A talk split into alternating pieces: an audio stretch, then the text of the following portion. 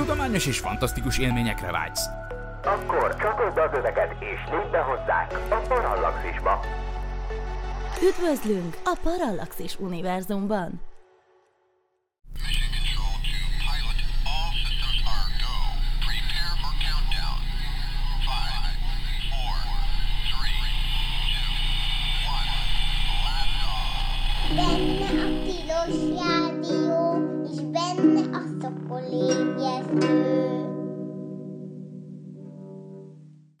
Jó reggelt kívánok! Ez itt valóban a Tilos Rádió, a 90,3 MHz-es frekvencia modulált sávon, benne pedig a Szokolébresztő című műsor, vagyis az űrös műsor.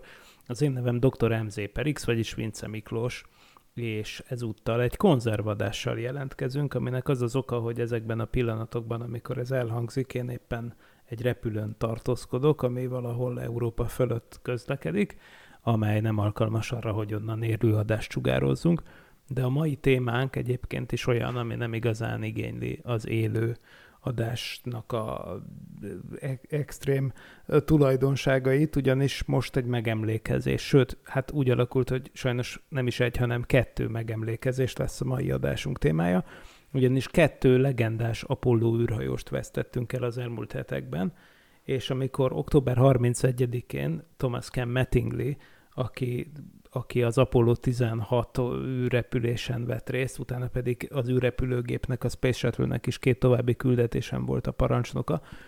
Tehát a, mindenképpen az űrkutatás hőskorának egy nagy alakja. Amikor megtudtam, hogy ő elhúnyt október 31-én, akkor már, el, ki, már kitaláltam, hogy hát az adásnak legalább egy részét az ő pályafutásának illene szentelnünk, de hát Alig egy hét telt el, amikor november 7-én érkezett az újabb szörnyű hír, hogy a még nála is legendásabb bűrhajósa az Apollo programnak, illetve a Gemini programnak Frank Borman sajnos szintén elhunyt. Mattingly a 87 éves korában hunyt el tehát, és Frank Borman 95 éves kort élt meg, amivel egyébként ő volt éppen a legidősebb amerikai űrhajós, aki valaha repült, Ugye ennek a, az abszolút rekordere az 1921-ben született John Glenn volt, aki szinte, ha a, szinte a legöregebb ember volt, mármint szinte a legelső olyan ember volt John Glenn, aki valaha megszületett, és aztán később fölment az űrbe. Azért mondom, hogy szinte, mert a szovjet Georgi Beregavoy néhány héttel, vagy talán hónappal még nála is idősebb volt. Tehát 1921 előtt nem, szünette, nem születtek olyan emberek, akik fölmentek valaha az űrbe. És hát ezért aztán Amerikában John Glenn haláláig egyértelműen ő volt a valaha a legkorábban született űrhajós, de amint John Glenn meghalt, onnantól ez átszállt Frank Bormanre, akinek a mostani halálával egyébként Jim Lovell, űrhajós társa, akivel két, mindkét repülésén együtt repült. Most már ő, a, a, aki tíz nappal fiatalabb, mint Frank Borman egyébként. Ő még a legjobb tudomásunk szerint jó egészségnek örvend, és, és hát ő lett most a legidősebb veterán amerikai űrhajós. Tehát Borman 1928-ban született, Ken Mattingly, aki egyébként a harmadik vagy negyedik űrhajós csoportnak a tagja volt, ő 1936-os születésű volt, és hát még egyszer Mattingly 31-én, Borman pedig november 7-én hunyt el.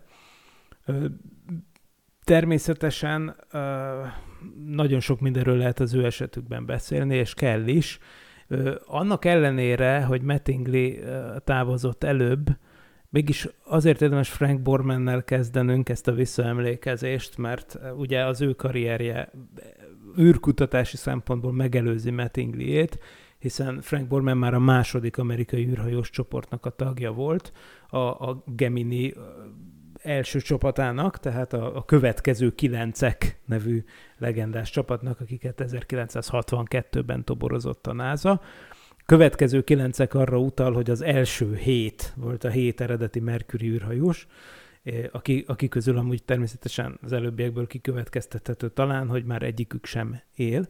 Éppen John Glenn volt az utolsó, közülük, aki, aki elhunyt, azt hiszem, bár Scott Carp, vagy Scott Carpenter, de az biztos, hogy, hogy a Gemini, Gemini csapatnak amúgy még több tagja is életben van, tehát a következő kilenc legendás űrhajósnak. Frank Borman egyébként, hát hogy, egy, egy intézmény volt, tehát éppen Buzz Aldrin a Facebookon úgy búcsúzott tőle, aki a harmadik űrhajós csoport tagja, és aki aztán az az ember lett, aki másodikként lépett a Hold felszínére, az Apollo 11 legendás legénységének tagjaként. Szóval ő azt nyilatkozta Frank Bormanről, hogy hát ő egy valóságos intézmény volt, ő több, több volt, mint egy ember, nagyon sokat tett az amerikai űrprogramnak, és a, különösen annak, hogy, hogy eljussanak a Holdra, az évtized vége előtt, tehát 1970 előtt, ez, többen mondják, hogy hát alig, hanem ez nem lett volna lehetséges Frank Borman nélkül, és hát amikor Buzz Aldrin azt mondja, hogy valódi intézmény volt Frank Borman, akkor alig, hanem igazat szól. De itt az ő esetében egyébként egy tényleg egy, egy szinte hát a, a, szó legjobb értelmében egy rendkívül egyszerű emberről beszélhetünk. A, a, a NASA egyik pszichiátere úgy nyilatkozott róla, hogy ő a legkevésbé komplikált ember, akivel életemben találkoztam, és hát minden nyilatkozásából, interjújából, vagy az életéről szóló könyvekből abszolút ez jön át. Nézzük is meg egy kicsit akkor, hogy Frank Bormannek ez a egyébként igen-igen tartalmas élete, ez, ez milyen, milyen is volt a repülés iránti szeredme az már elég korán megnyilvánult, mert csak öt éves volt, amikor először hagyta el a Földet. A, az indiánai Gary-ben laktak egy, egy farmon, és akkor átutaztak az apukájával egy sétarepülésre, egy ohio repülőtérre. És hát ott az apukájával együtt egy kis Waco kétfedelő repülőgép első ülésében már öt évesen tett egy ilyen, egy kört ott a búzamező fölött, és hát Frank onnantól kezdve teljes mértékben rákattant a témára. Nem sokkal később Frank a családjával együtt az arizonai Tucsonba költözött, és hát ott az apja egy szegény sorsú ember volt olyan értelemben, hogy ugye 1929-et írunk, és éppen akkor jön a gazdasági világválság. Ami azt jelenti, hogy amikor oda költöztek Tucsonba, akkor ők kibérelt egy ilyen benzinkutat, tehát ez már akkor is franchise rendszerben működött tulajdonképpen, a Mobile, vagy Mobil nevű benzinkút hálózatnak egy állomása került hozzá, és hát azt vezette, de hát mondom, jött a gazdasági világválság, ami e-, e-, eléggé keresztbe tett ennek az üzletnek is. Tehát nem mondható, hogy felvetették az anyagiak a bormenéket. Viszont már az iskolában ott, ott Tucsonban felfigyeltek a tanárok, hogy hát igazából egyrészt, hogy milyen okos gyerek ez a Frank, másrészt, hogy mennyire ellenmondás nem tűrő és makacs. Ez a szüleit természetesen nem lepte meg, de hát őt azt mondják, hogy tipikusan az a fajta ember volt, a, hogyha ő meg akart valamit csinálni, akkor anélkül, hogy konkrétan bunkó lett volna, de tehát nem, nem, nem igazából goromba vagy udvariatlan volt, csak nagyon eltökélt, és hogyha valamit meg akar csinálni, akkor bizony félretolta az útjában álló embereket és dolgokat, és megcsinálta. Úgyhogy hát ő abszolút ilyen volt, és ez később is egyébként ez egyik legendás mondása volt Bormennek, hogy, hogy hát, hogyha nem tudod, hogy mihez kezdjél, akkor állj félre az útból, és engedd azokat dolgozni, akik tudják, hogy mit akarnak csinálni. Más esetekben úgy mondta, hogy engedj engem dolgozni, aki tudom, hogy mit akarok csinálni. Szóval hát az abszolút, ez az ő attitűdje, uh, to get the job done, tehát hogy mindenképpen meg kell csinálni a feladatot, bármi legyen is az. Tehát egy iszonyatos motiváltság és kötelesség tudat jellemezte ezt a srácot, és amint mondtam, hát öt éves korától kezdve lényegében rabulejtette a repülés, ami azt jelentette akkori Amerikában, ami körülbelül minden fiúgyerek szinte kb. csinálta ezt a dolgot, hogy hogy repülőgép maketteket építettek, amelyek esetenként konkrétan repültek is, tehát akkor ennek igen nagy divatja volt ugye a 30-as években, Ugye itt elsősorban ilyen az apukájával együtt építettek mindenféle kis repülőgépeket, amik mondjuk ilyen a legegyszerűbb konstrukciók azok voltak, amik úgy tudtak repülni, hogy egy gumiszállal lehetett felcsavarni a rotort, és akkor eldobták, és akkor a pörgő rotor valahogy le, le, repítette ezeket a könnyű, mondjuk balzafából, vagy valami hasonló anyagból készített kis könnyű szerkezeteket. De hát aztán Borman egyre komolyabbakat épített egyedül is, Itt is az megmutatkozott aztán, hogy az apukája egyébként segítette őt valamelyes, de sose oldotta meg helyette a problémákat. Tehát nagyon sokat tett ez a Bormannek, a, a parancsnoki karakterének a kifejlődéséhez, hogy úgy a problémákat úgy általában egyedül oldotta meg. És hát akkor sem volt ez másképp, amikor elkezdett csajozni. Uh, ugye itt már az volt, hogy már időközben ugye átlépünk az 1940-es évekbe, amikor Borman középiskolás, és hát a középiskolában az egyik alatta levő évfolyamnak a, a szépségkirálynőjének megválasztották a Susan, Susan Bugby nevű hölgyet, aki természetesen Borman el akart hívni rendezvúra, de hát valójában félt a visszautasítástól, úgyhogy, és azt viszont nem bírta volna feldolgozni, hogy nemet mondjon neki a lány, úgyhogy egy haverját kérte meg, hogy a Borman nevében hívja fel telefonon a lányt, és kérje ki randira. Aztán végül igen mondott neki, így aztán Frank sajnálta, hogy nem hallotta, amikor igen mondott, és hát később ő lett Susan Borman, aki a Frank Borman felesége volt, tűzön vízen át, ugye legendás űrhajós feleség, aki természetesen meg is szenvedte az űrhajós feleségeknek az egyébként igencsak stresszes, és hát mondjuk, hogy enyhén szólva is megpróbáltatásokban gazdag életét. Ugye nem véletlen egyébként most előre vetítve, hogy az Apollo űrhajósok, meg a korai Gemini Apollo program űrhajósainak nagy részének tönkrement a házassága az űrprogram után. Hát illetve már az űrprogram során tönkrement, hiszen ezek a csávók alig jártak haza. Egészen standard dolog volt, hogy naponta 10-12 órát bent voltak a munkahelyükön, jó, ha aludni hazamentek, de ráadásul a munkahely sem úgy volt, hogy mindig bejártak az űrközpontba dolgozni, hanem igenis az is a munka része volt, hogy a, a kontinensnyi ország különböző pontjaiban össze-vissza repültek mindenféle egyéb létesítményekbe, hol kiképzésre, hol gyárlátogatásra, hol egyéb feladatokat végrehajtani más irányítóközpontokban, ugye kihelyezett irányítóközpontokban voltak például kommunikátorok, esetenként a csendes utcán közepén vagy Afrikában, tehát ugye még a korai években ilyenek is voltak, szóval hát mindenképpen lényegében alig látták ezeket. Jó, hogyha vasárnaponként lehetett találkozni a családfőkkel, úgymond, hát ez, ez nagyon masszívan próbára tette az összes űrhajós házasságát is, és hát mondom, nagyon sok vállással is végződött, és nagyon érdekes, hogy a Frank Bormané nem, nagyon kit... Annak ellenére, hogy Susan Bormannek aztán nagyon komoly alkohol problémái lettek, ami abszolút érthető is a, a, annak fényében, hogy milyen stressz faktort kellett neki átélnie, ami a hajmeresztő űrrepülések során, amiket a Frank végrehajtott. Na de most még ne szaladjunk ennyire előre az időben, 1942-ben nem csak az történik egyébként, hogy összejön a jövőbeli feleségével, hanem összekuporgat különböző hétvégi munkákat végezve a Frank Borman annyi pénzt, áruházban takarított, meg ilyeneket csinált, hogy, hogy repülőórákra adja be a pénzt, és egyébként az Egyesült Államok egyik e, egyet, hát nagyon kevés, mondjuk nagyjából száz olyan nő, nő dolgozott, aki pilóta oktató volt. Hát közülük az egyik legenda volt egyébként Bobby Kroll, ő volt a Frank Bormannek a, a, az instruktora, és még egyszer Frank ilyenkor 15-16 éves, tehát ő akkor már simán repkedett a kis motoros gépeken. Természetesen, amikor a karrier megválasztása került terítékre, akkor mivel hogy egy nagyon kötelességtudó, ahogy mondtuk, meg hazafias gyerekről beszélünk, aki mindent megadott volna, hogy szolgálja a hazáját, és imádta a repülést.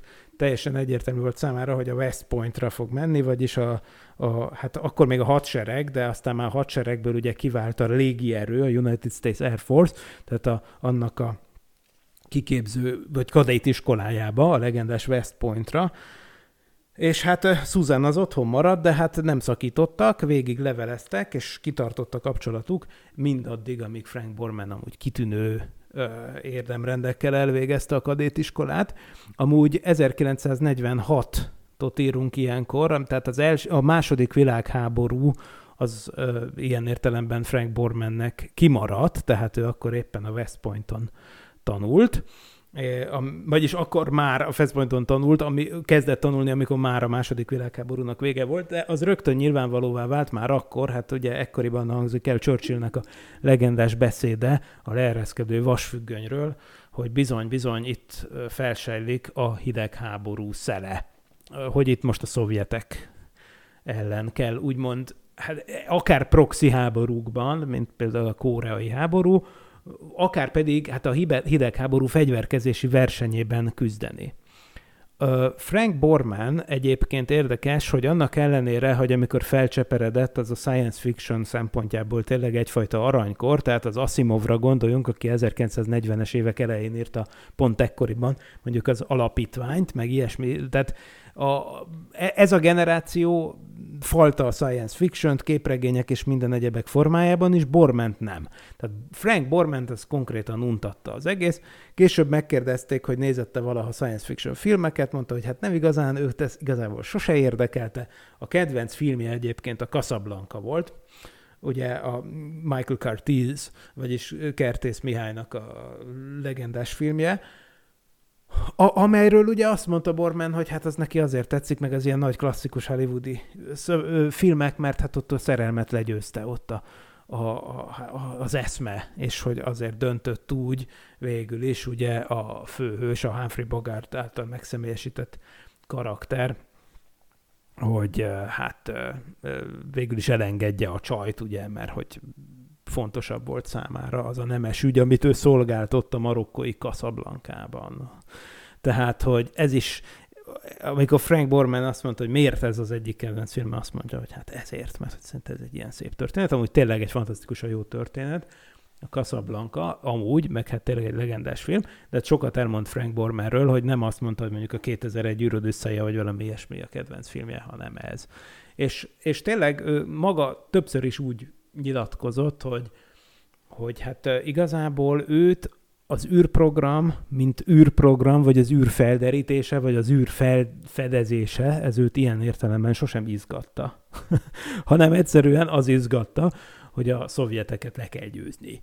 És hogy ezen az új hadszintéren, és bármi lett volna tulajdonképpen a feladat, ha az nem az űrhöz kötődik, a, teljesen mindegy lett volna számára, ilyen értelemben Természetesen egy kitűnő mérnökről beszélünk, amint erről még ejtünk jó sok szót, tehát nagyon is testhez álló feladat volt neki, és nyilván nagyon örült, hogy ilyen projektbe keveredett bele. Na de hogyan keveredett bele?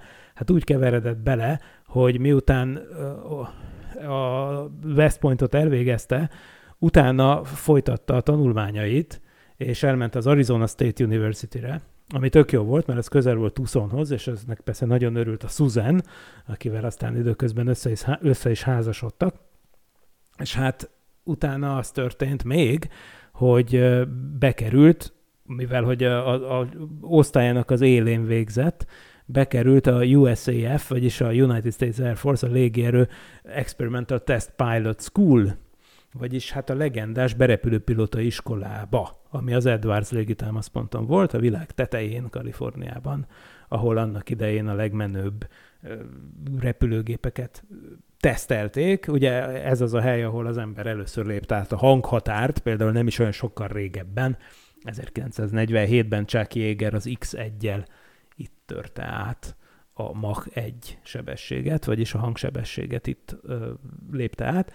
Szóval 1960-as osztályban ott volt, amikor jött a hívás, hogy hát 1961-ben megjelent a felhívás, hogy lehet csatlakozni ehhez az újfajta dologhoz, ami a második űrhajós csoport. Tehát a NASA második űrhajós csoportja. A Frank Bormanről én úgy tudom, hogy ő az elsőbe nem jelentkezett. Tehát amikor 1959-ben elkezdték kiválogatni a legelső űrhajós csoportot a Mercury programhoz, akkor Frank Borman nem volt a jelentkező között. Egész egyszerűen valószínűleg nem is lehetett volna, hiszen ő 1960-ban ö, került a, a, a, a teszt, vagyis a berepülőpilóta iskolába, és hát ugye a Mercury program idején már elvárták, hogy legyen berepülőpilóta tapasztalata az embernek. Azt még egyébként nem mondtam, mert itt emlegettem az Arizona State University-t, de azért az, az csak inkább egy rövid kis kiruccanás volt.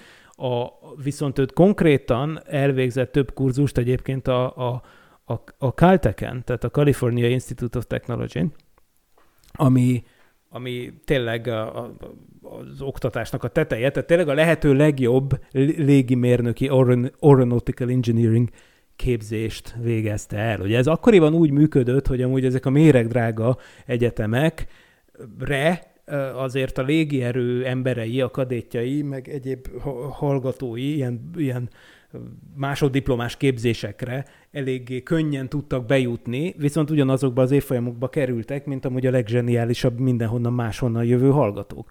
Tehát úgymond ezek ilyen légierő ösztöndíjas, vagy légierő szabad jeggyel mehettek ilyen menő egyetemekre tanulni ezek az emberek. Ugye például Pete Conrad például Princetonban tanult, ahol egyébként mesélte is mindig a legendás űrhajós, az Apollo 12 parancsnok, hogy többször látta Einstein-t, ahogy ott sétálgatott meg, vagy, vagy például az MIT-n végzett mondjuk Buzz Aldrin, akit ma már emlegettünk, vagy Ed Mitchell. Szóval tényleg akkoriban, e, és valószínűleg most is van ilyen, hogy, hogy, hogy ezek a különböző, mind a légierőnél, mind pedig a haditengerészetnél ugye léteztek ezek az ösztöndíjak, és egy ilyen keretében a, a Frank Borman a Calteken is megfordult, aztán, aztán a, oda került a, a tényleg át a világ tetejére az Edwards belepülő pilóta iskolájába, tehát ez csak addig volt a világ teteje, amíg meg nem nyílt az űrprogram. És aztán a második csapatot 1961-ben kezdték toborozni, amikor kiderült, hogy hát az űrprogram az esze nem ér véget azzal, hogy felküldték a, a hat Merkuri űrhajóst ilyen hosszabb, rövidebb repülésekre. Ugye a leghosszabb repülés az olyan másfél napos volt, egyszemélyes űrhajókon, ez volt Gordon Coopernek az 1963-as útja. Na de akkor még ez nem történt meg. Tehát 1961-ben még ott tartott az amerikai űrkutatás, hogy kettő darab 15 perces űrrepülést tudhattak a hátuk mögött. Ezek ilyen szuborbitális repülések voltak.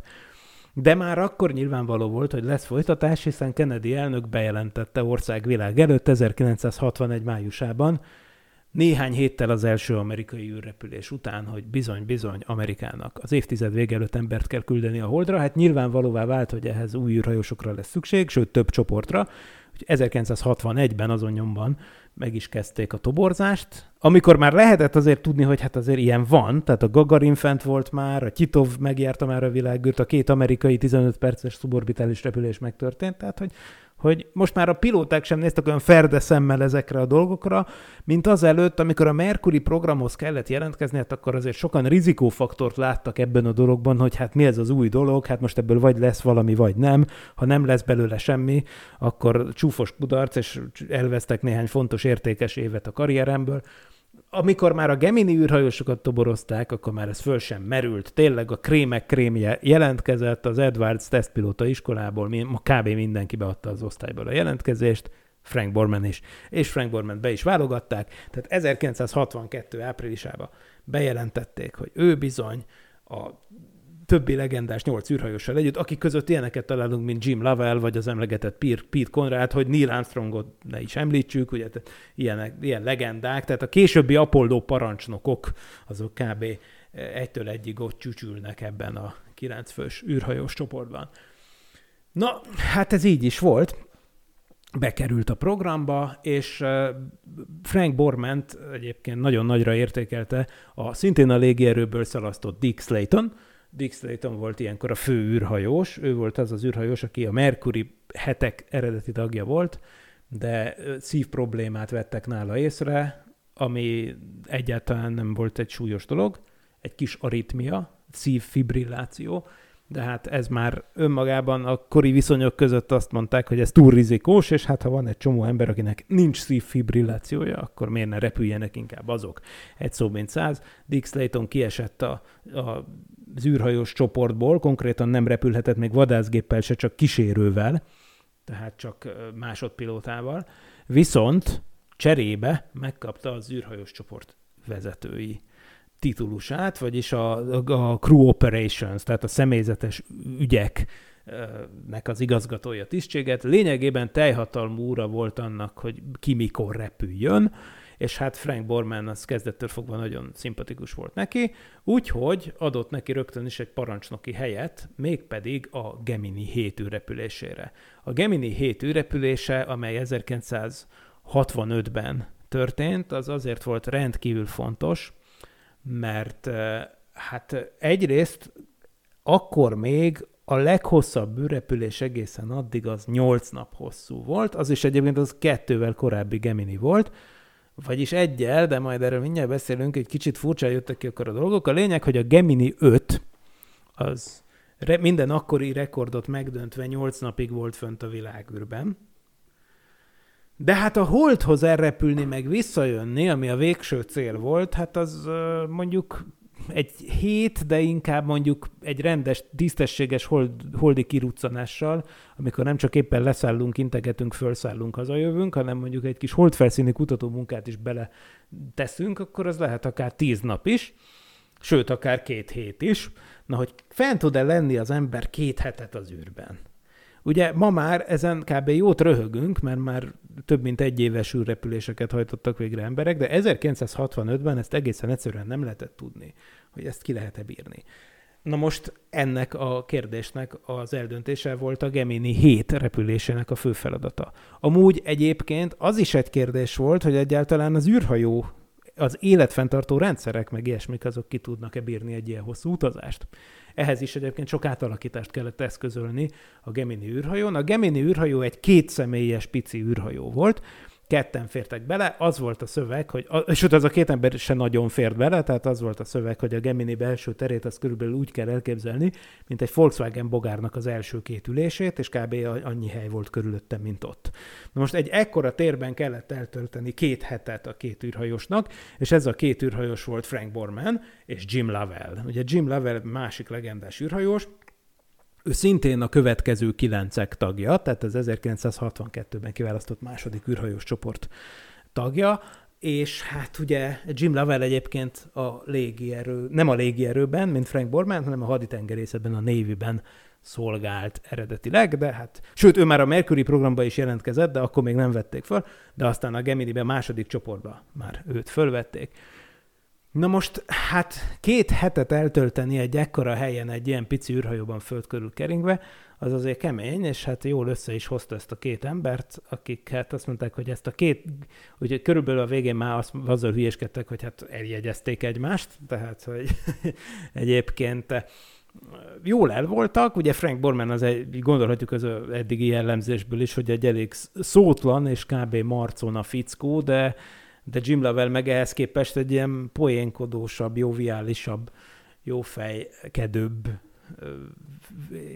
figura, tehát nagyon ilyen kb. Stan jellegű karakterpár, tehát nagyon jó pofa volt ez az egész. De az e, egyetlen baj volt ezzel a kéthetes repüléssel, hogy amikor eredetileg megtervezték, hát egy kicsit unalmasnak tűnt azért. Tehát sem űrsétát nem terveztek bele, sem semmi komolyat. Tényleg a, annak ellenére, hogy az önmagában nagyon komoly, hogy két hetet eltölteni itt, meg persze voltak földfényképezési, meg egyéb kísérletek, meg egy csomó minden, tehát önmagában egy csodálatos berepülés, hogy meddig bírja az űrhajó, meg meddig bírja a személyzet, tehát lássuk be, hogy azért egy kicsit unalmasnak ígérkezett a program ilyen szempontból, főleg berepülő pilóta szempontból, és hát itt berepülő pilótákról beszélünk, de aztán a sors úgy hozta, hogy sokkal érdekesebb lett az egész, mint várták, ugyanis a Gemini 6 űrrepülése egy hiba miatt, ami egy hosszú történet, és most nem megyek bele, de a lényeg, hogy a Gemini 6 űr, űrrepülését elhalasztották.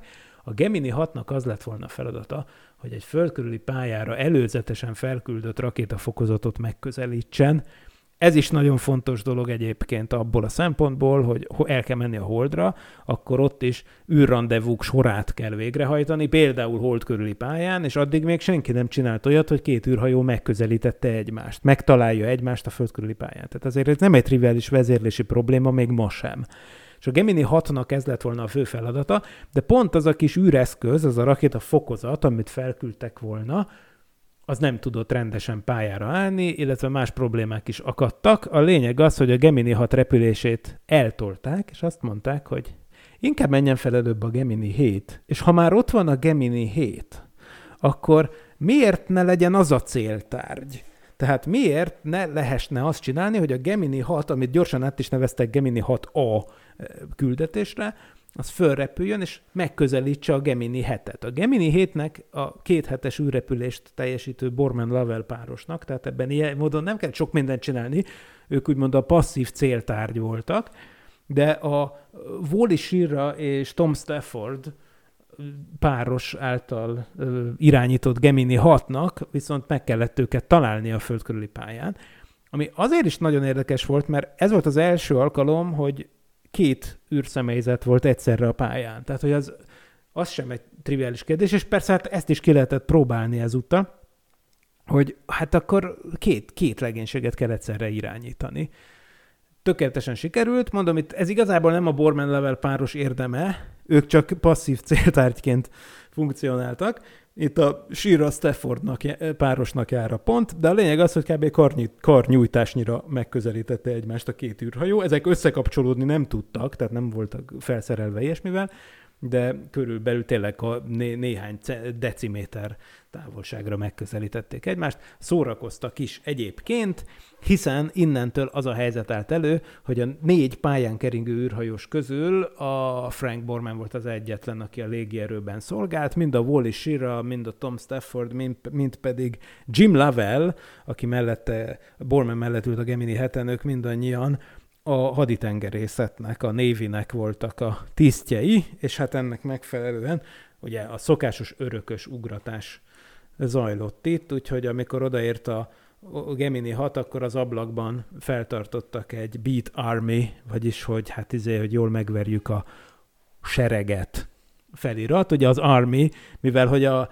az Air Force-t az Army részének tekintették, ezért ez arra utalt, hogy hát igen, a légierő légi erőt jól legyőzték számbeli fölényükkel a haditengerészet tisztjei. Na, a, mindegy, a repülés tökéletesen sikerült, a Gemini héten egy, hét repülésen egyáltalán nem volt semmiféle komolyabb fennakadás. Az űrhajósok, hát kicsit totyogva azt mondták egyébként, akik megnézték ezt a jelenetet, hogy úgy, mintha ilyen kis, ö, ilyen hát ilyen kis pelusos kisbabák lettek volna, körülbelül úgy totyogva az űrruháikban úgy hagyták el a, a kabint, amikor kiszálltak, miután a fedélzetükre vette, fedélzetére vette őket az anyahajó. De a lényeg az, hogy sikerrel teljesítették a küldetést, és hát Borman megőrizte azt a hírnevét, hogy hát tényleg abszolút lehet rá mindenféle küldetésben számítani, Amire aztán abszolút szükség is volt, mert most sok mindenen átugrok, mert hát azért elég sok mindent csinált Frank Borman, de azon mégsem ugorhatok át, hogy amikor 1967-ben, vagyis két évvel később bekövetkezett az a tűzeset, amelyben életét vesztette három űrhajós, az Apollo 1 szimulált indításánál, tehát egy földi próba során uh, bennégett a kabinban Gus Grissom, Ed White és Roger Chaffee űrhajósok, és hát ez 1967. január 27-én történt, és erre senki nem számított. Tehát annak ellenére, hogy lehetett tudni, hogy a nagy sietségben, hogy a Kennedy féle határidőt elérjék, lehetett tudni, hogy az új Apollo űrhajónak a fejlesztése még hagy maga után némi kívánnivalót,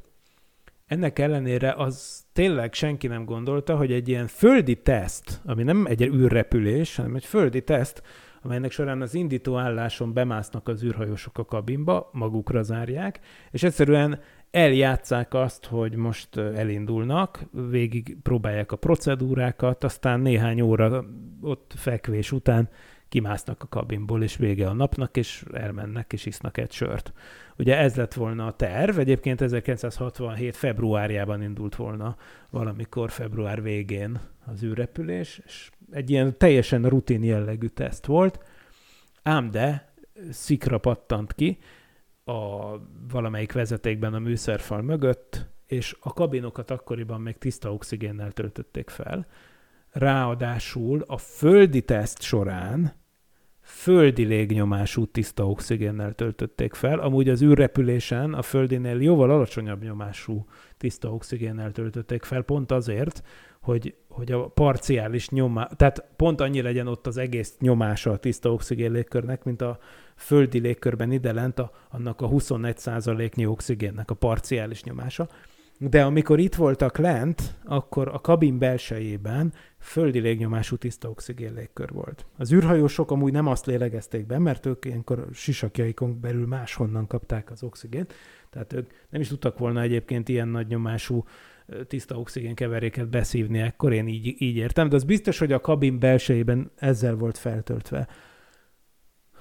Tehát ez alkotta a légkört, és hát e, ilyen körülmények között olyan anyagok is gyúlékonyak lesznek, amelyek amúgy sima földi összetételű levegőkeveréknél egyáltalán nem gyúlékonyak. Ilyen például a tépőzár, amikkel telerakták az űrhajó belsejét, hiszen a súlytalanságban rögzíteni kell a dolgokat.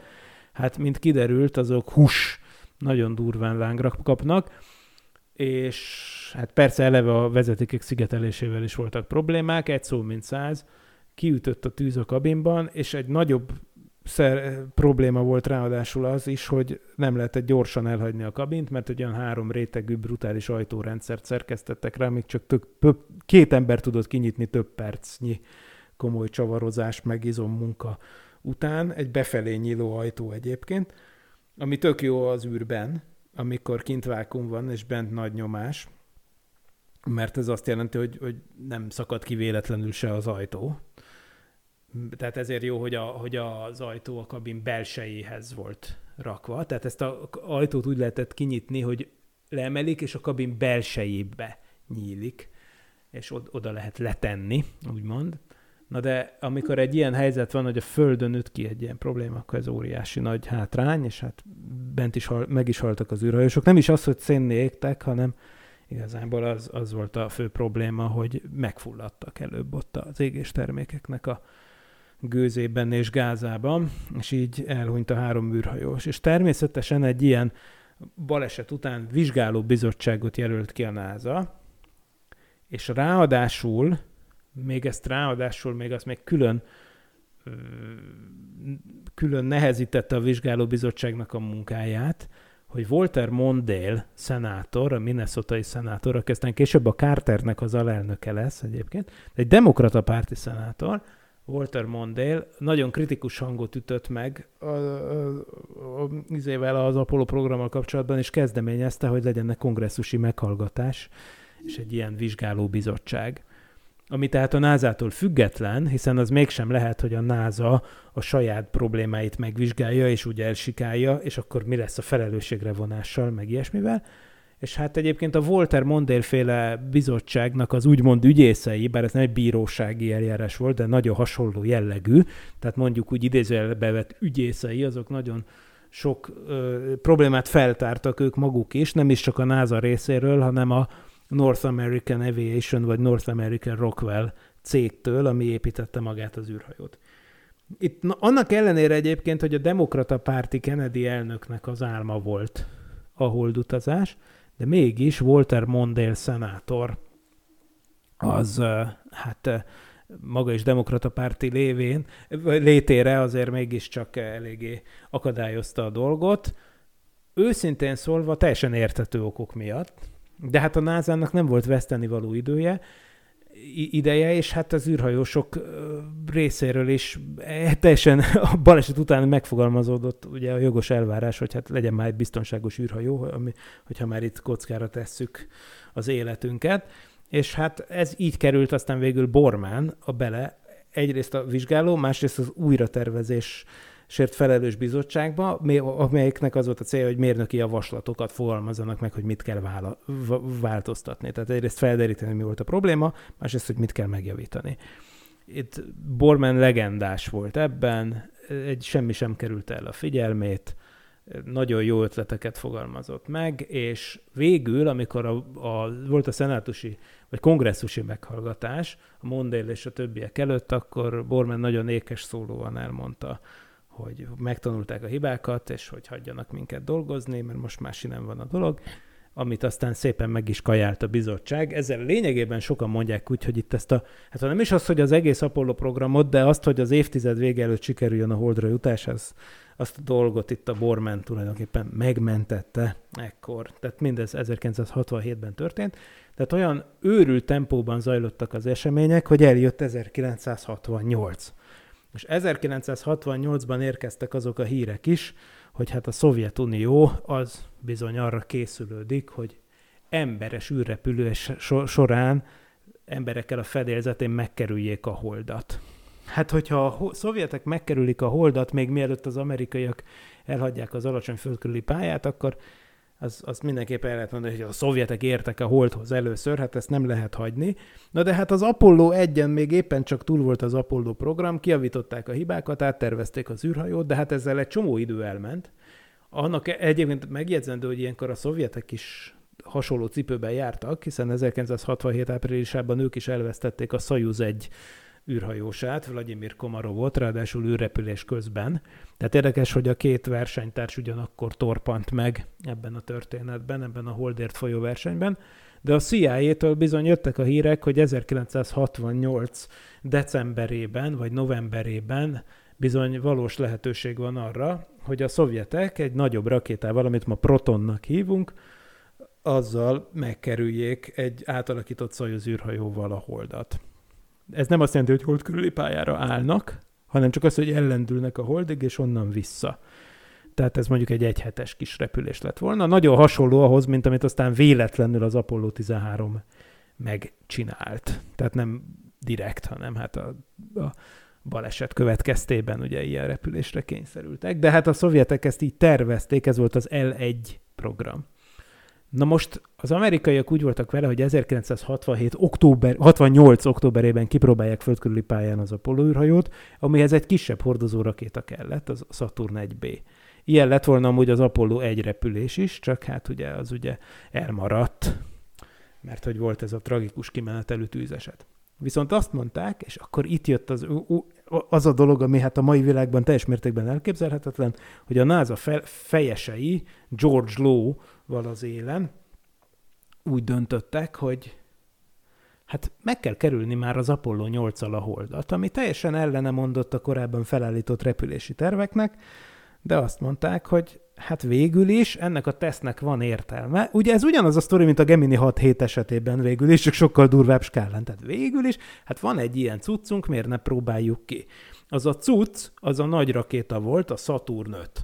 A Saturn 5 addigra már kettő ember nélküli tesztrepülésen túl volt, ezek Apollo 4 és 6 néven ismertek, Viszont hát abból az Apollo 4 az elég sikeres volt, de hát az Apollo 6, hát ha az a mai világban történne, akkor azt mondanák, hogy hát az egy majdnem teljes katasztrófa, és semmi eséllyel se rakjunk embereket a következő rakétára. Ott az irányítórendszerrel komoly bajok voltak, a második fokozat öt hajtóműve közül három bedöglött, meg ilyenek, szóval hát, hát azért voltak problémák, enyhén szólva, de hát azt mondták Werner von Braunék, akik fejlesztették a rakétát, hogy megértettük, hogy mi volt a gond, és hát akkor a következő Saturn 5-re már lehet tenni embert. Ugye a Saturn 5 kellett ahhoz, hogy elmenjenek a hold körüli pályára, és hát megint csak, amikor ezt az őrült ötletet végül a NASA vezetés jóvá hagyta, azt mondták, hogy ha az Apollo 7 tíz napos föld körüli próbaútja sikerül, akkor és csak akkor az Apollo 8 mehet a holdhoz. És hát persze ezt jóval előtte el kellett készíteni, hiszen körülbelül, amikor az Apollo 7 felszállt, 68. októberében, akkor az Apollo 8 az már kint állt a startálláson, hogy 68. decemberében végrehajtsa a repülést a hold körüli pályán. De így kellett történnie, és az Apollo 7 valóban teljes sikerrel járt, viszont kérdés volt, hogy ki üljön az Apollo 8-ra. Most a Frank Borment egyébként az Apollo 9 parancsnokául jelölték, amelynek az lett volna a feladata, hogy föld, magas földkörüli pályán gyakorlatozzon a holdra szálláshoz tervezett négylábú leszálló egységgel, amit magyarul Hold Compnak szoktunk hívni, angolul Lunar Module. Na most, hát az a helyzet, hogy ez nem lett kész. Viszont a szovjetek meg ott voltak, viszont az Apollo 8 az már önmagában az Apollo 8 egy Jim McDivitt űrhajós parancsnoknak adott küldetés lett volna, az Apollo 8, és az Apollo 9 lett volna Bormené, és az Apollo 8 tesztelte volna a föld körüli pályán először a holdkompot, és az Apollo 9 tesztelte volna másodszor a holdkompot. Na most a föld körüli pályán a holdkompal manőverezgetni, az egy berepülő pilóta szempontjából érdekes módon egy sokkal izgalmasabb kihívás, mint mint az, hogy, ez, hogy a holdkomp nélkül, tehát egyetlen egy Apollo űrhajóval elmenni a holdhoz, keringeni a hold körül és hazajönni. Annak ellenére, hogy nyilván a történelmi jelentősége az megkérdőjelezhetetlen, hiszen éppen az Apollo 8 lesz az, amikor emberek igazából valóban elhagyták az alacsony földkörüli pályát, és tényleg ilyen értelemben egy igazi űrrepülést hajtottak végre, hogy, hogy nem csak az, hogy na, néhány száz, vagy akár mondjuk né, ezer kilométer magasságra felmennek, hanem több százezer kilométerre a korábbi távolságnak a, az ezerszeresére repülnek és egy másik égitestet meglátogatnak. Tehát ilyen értelemben az Apollo 8 az egyértelmű elsőség, annak ellenére, hogy nem szálltak le a Holdra, de én azt gondolom, hogy majd a történelmi távlat majd évszázadok múlva az Apollo 8-at fogja megjelölni, hogy na itt kezdődött igazán az a korszak, amikor emberek eljutottak a más égitestekhez. És hát ez valóban így volt. Na a lényeg az, hogy viszont berepülő pilóta szempontból minden történelmi fontosság ellenére az Apollo 8 az nem volt egy annyira izgi küldetés, mint az Apollo 9. De most itt voltak az oroszok, és az Apollo, a holdkomp az nem volt kész. Úgyhogy elhatározták, hogy oké, okay, hagyjuk ezt a földkörüli holdkompos bohóckodást, és az Apollo 8-ot holdkomp nélkül küldjük el a hold körül keringeni. Kivállalkozik erre. Jim McDivitt azt mondta, Andy Chaikin könyve szerint, az A Man on the Moon szerint azt mondta, hogy hát ő erre annyira nem izgul, mert valójában ő sokkal jobban érdekelni a Holdcom tesztelése, szóval ha egy mód van rá, akkor inkább ő menne az Apollo 9-el, megtartva az eredeti küldetést, és akkor addigra már csak elkészül a Holdcomp. Frank Borman viszont igent mondott erre a lehetőségre, tehát megint csak érdekes, hogy a Borman egyébként egy fantasztikus berepülő pilóta volt, aki amúgy kockázat kerüléséről híres volt, ugye ez már az Apollo egy bizottsági dologban is előjött, nem azért, mintha a bátorság hiányzott volna belőle, közel sem, hanem egyszerűen ő tényleg a feladatot tekintette mindig elsődlegesnek, és a szabályok betartását. Tehát körülbelül a korabeli űrhajósok közül azt mondják, hogy azt beszélik, hogy ő volt az egyetlen ember, aki amikor az volt, hogy Houstonból Floridába át kellett repülni, akkor, a szabá, akkor ezek az űrhajósok mindig a T-29-es, azt hiszem ilyen jelű gyakorló repülőgépekkel, tehát sugárhajtású gépekkel tették meg ezt a távot, hogy gyorsabban odaérjenek, meg hát mind pilóták voltak, ke, ugye kellett az edzés, vagy edzésben tartják magukat, tartsák magukat, meg ilyesmi. Szóval szükség volt erre amúgy is, tehát ők örömmel nem az van, hogy felszálltak valami izére, ilyen uh, utasszállító repülőgépre, hanem lementek a régi támaszpontba, és felszálltak, és átrepültek egyik államból a másikba. Ezt így csinálták, viszont itt voltak ilyen szabályok, például volt ilyen szabály, ami azt mondta egyértelműen, hogy nem repülhetnek be a mexikói öböl fölé. Annak ellenére, hogy ugye arra vitt volna az egyenes út. A Texas déli része, meg Florida keleti partja fölö, között, hanem az volt a feladat, hogy végig a szárazföld fölött repüljenek. Ezt a legtöbb pilóta hülyeségnek tartotta, és amúgy Borman is hülyeségnek tartotta, de ő egyedüliként mindig betartotta ezt a szabályt, még az összes többi űrhajós az mindig rövidre vágta az utat. Itt ebben nem azt kell észrevennünk, hogy ő egy, egy gyáva alak volt, egyáltalán nem, hanem egy nagyon rendkívüli mértékben szabálykövető ember, aki tényleg mindig azt nézte, hogy mi a feladat, milyen érdekeket szolgál, és hogy ez a, a, a cél, ez a hazám érdeke, hogy így kell csinálni, akkor így kell csinálni. A Gemini 7 is nyilván ilyen volt, ami szintén nem egy pilóta bravúros küldetés volt, hanem hogy két hétig keringeni egy konzervdobozba a földkörüli pályán. Nyilván ő is ki tudott volna izgalmasabb feladatot találni magának, de soha egyszer sem mondta, hogy, hogy nem.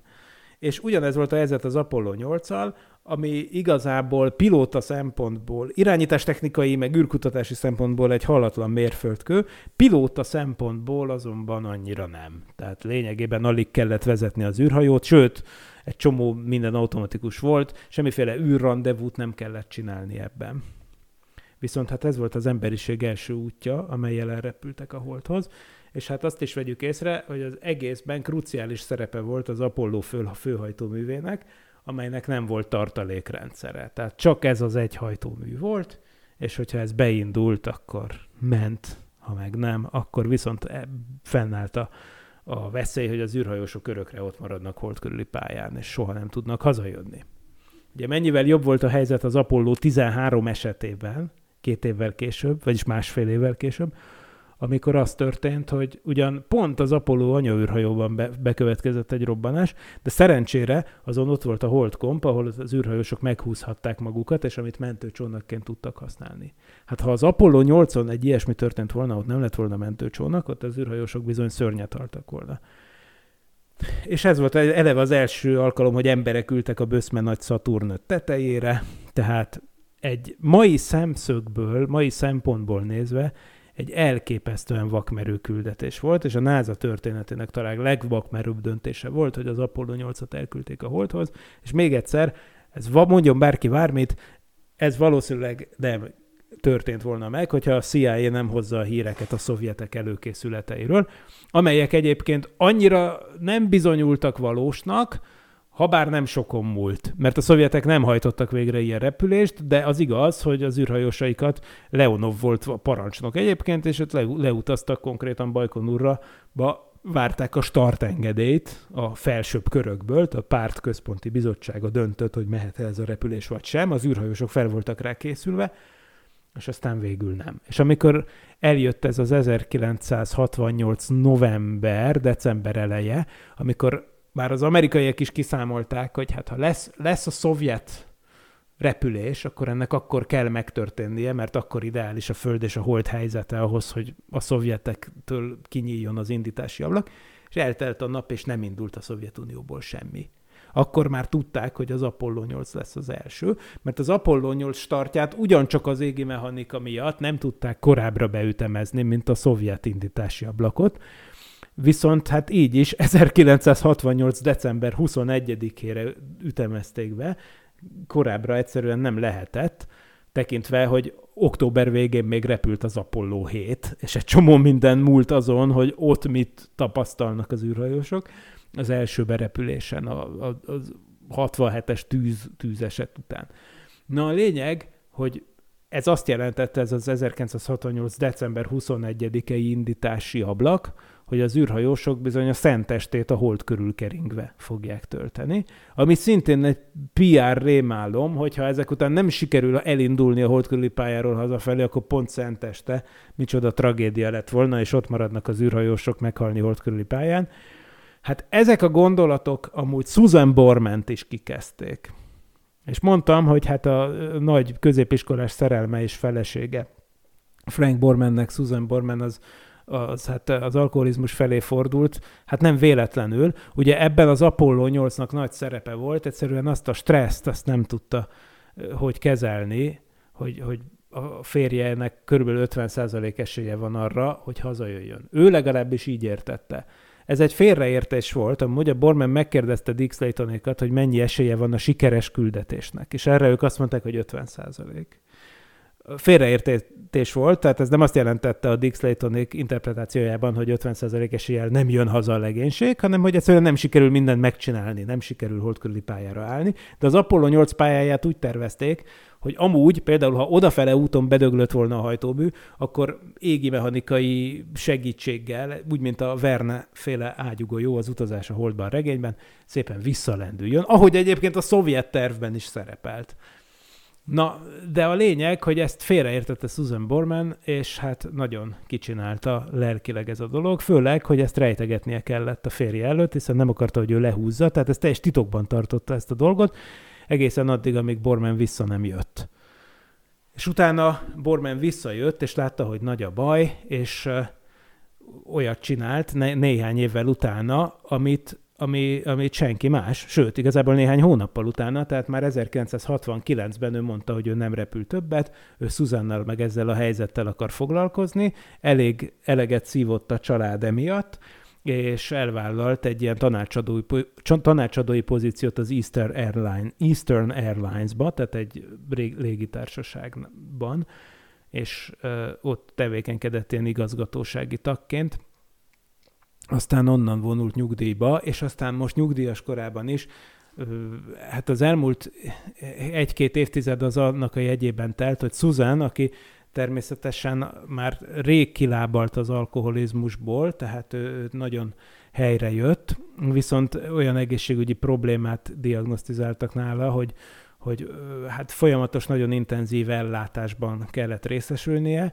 a feleségnek, gyakorlatilag nem tudta magát ellátni, nem tudta volna magát ellátni, de hát ott volt mellette Frank Borman, aki mindent elvállalt, és mindent csinált, és hát csodálatos volt, és egyébként még az is egy nagyon érdekes és megkapó dolog, hogy mondtam, hogy az űrhajósok többsége elvált, de pont az Apollo 8 legénysége, amin Bormanen kívül megint ott volt Jim Lovell a Gemini 7-ről, és Bill Anders, ők mind hárman egyébként együtt maradtak a feleségeikkel, és ez egy nagyon érdekes észrevétel, és körülbelül ez az egyetlen olyan Apollo legénység, amire ez igaz, illetve az utolsó Apollo legénység, ami egészében velünk volt. Tehát az Apollo 8 volt az utolsó olyan küldetés, amelynek mindhárom tagja élt, egészen múlt hétig, mert most már ugye Frank Borman eltávozott. Nagyon szép lett volna, hogyha láthatta volna ez a legénység az Artemis 2 startját. 1968-ban repültek először emberek volt körüli pályára az Apollo 8-on, és 2024-25-ben várható, hogy a NASA újra végrehajt egy ilyen repülést, sok évtized után először. A legénység már ki van válogatva, és ez lesz az Artemis 2. És tök jó lett volna, hogyha az Apollo 8 legénysége még megélhette volna teljes egészében ezt a következő új Apollo 8-at. Sajnos erre már nem fog sor kerülni. Frank Borman 1928. március 14-én született, és 2023. november 7-én elhunyt. Ez az adás el is telt Frank Borman életével és munkásságával, így aztán Mattingley-ről, aki mondtam, hogy hát történeti okokból róla ez után kell beszélnünk, hiszen ő később lett űrhajós, és az összes repülése Borman repülései után történt. Az ő története a következő adásra marad, de hát nyilván nem maradhat ki, mert róla is meg kell emlékeznünk, ha már Frank Bormerről megemlékeztünk, akkor mindenképpen róla is meg fogunk emlékezni.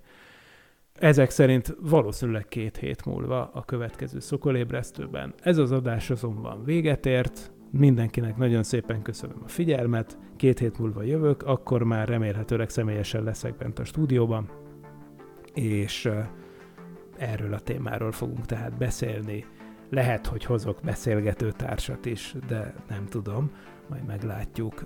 De Ken Mattingly élete és munkássága lesz a téma.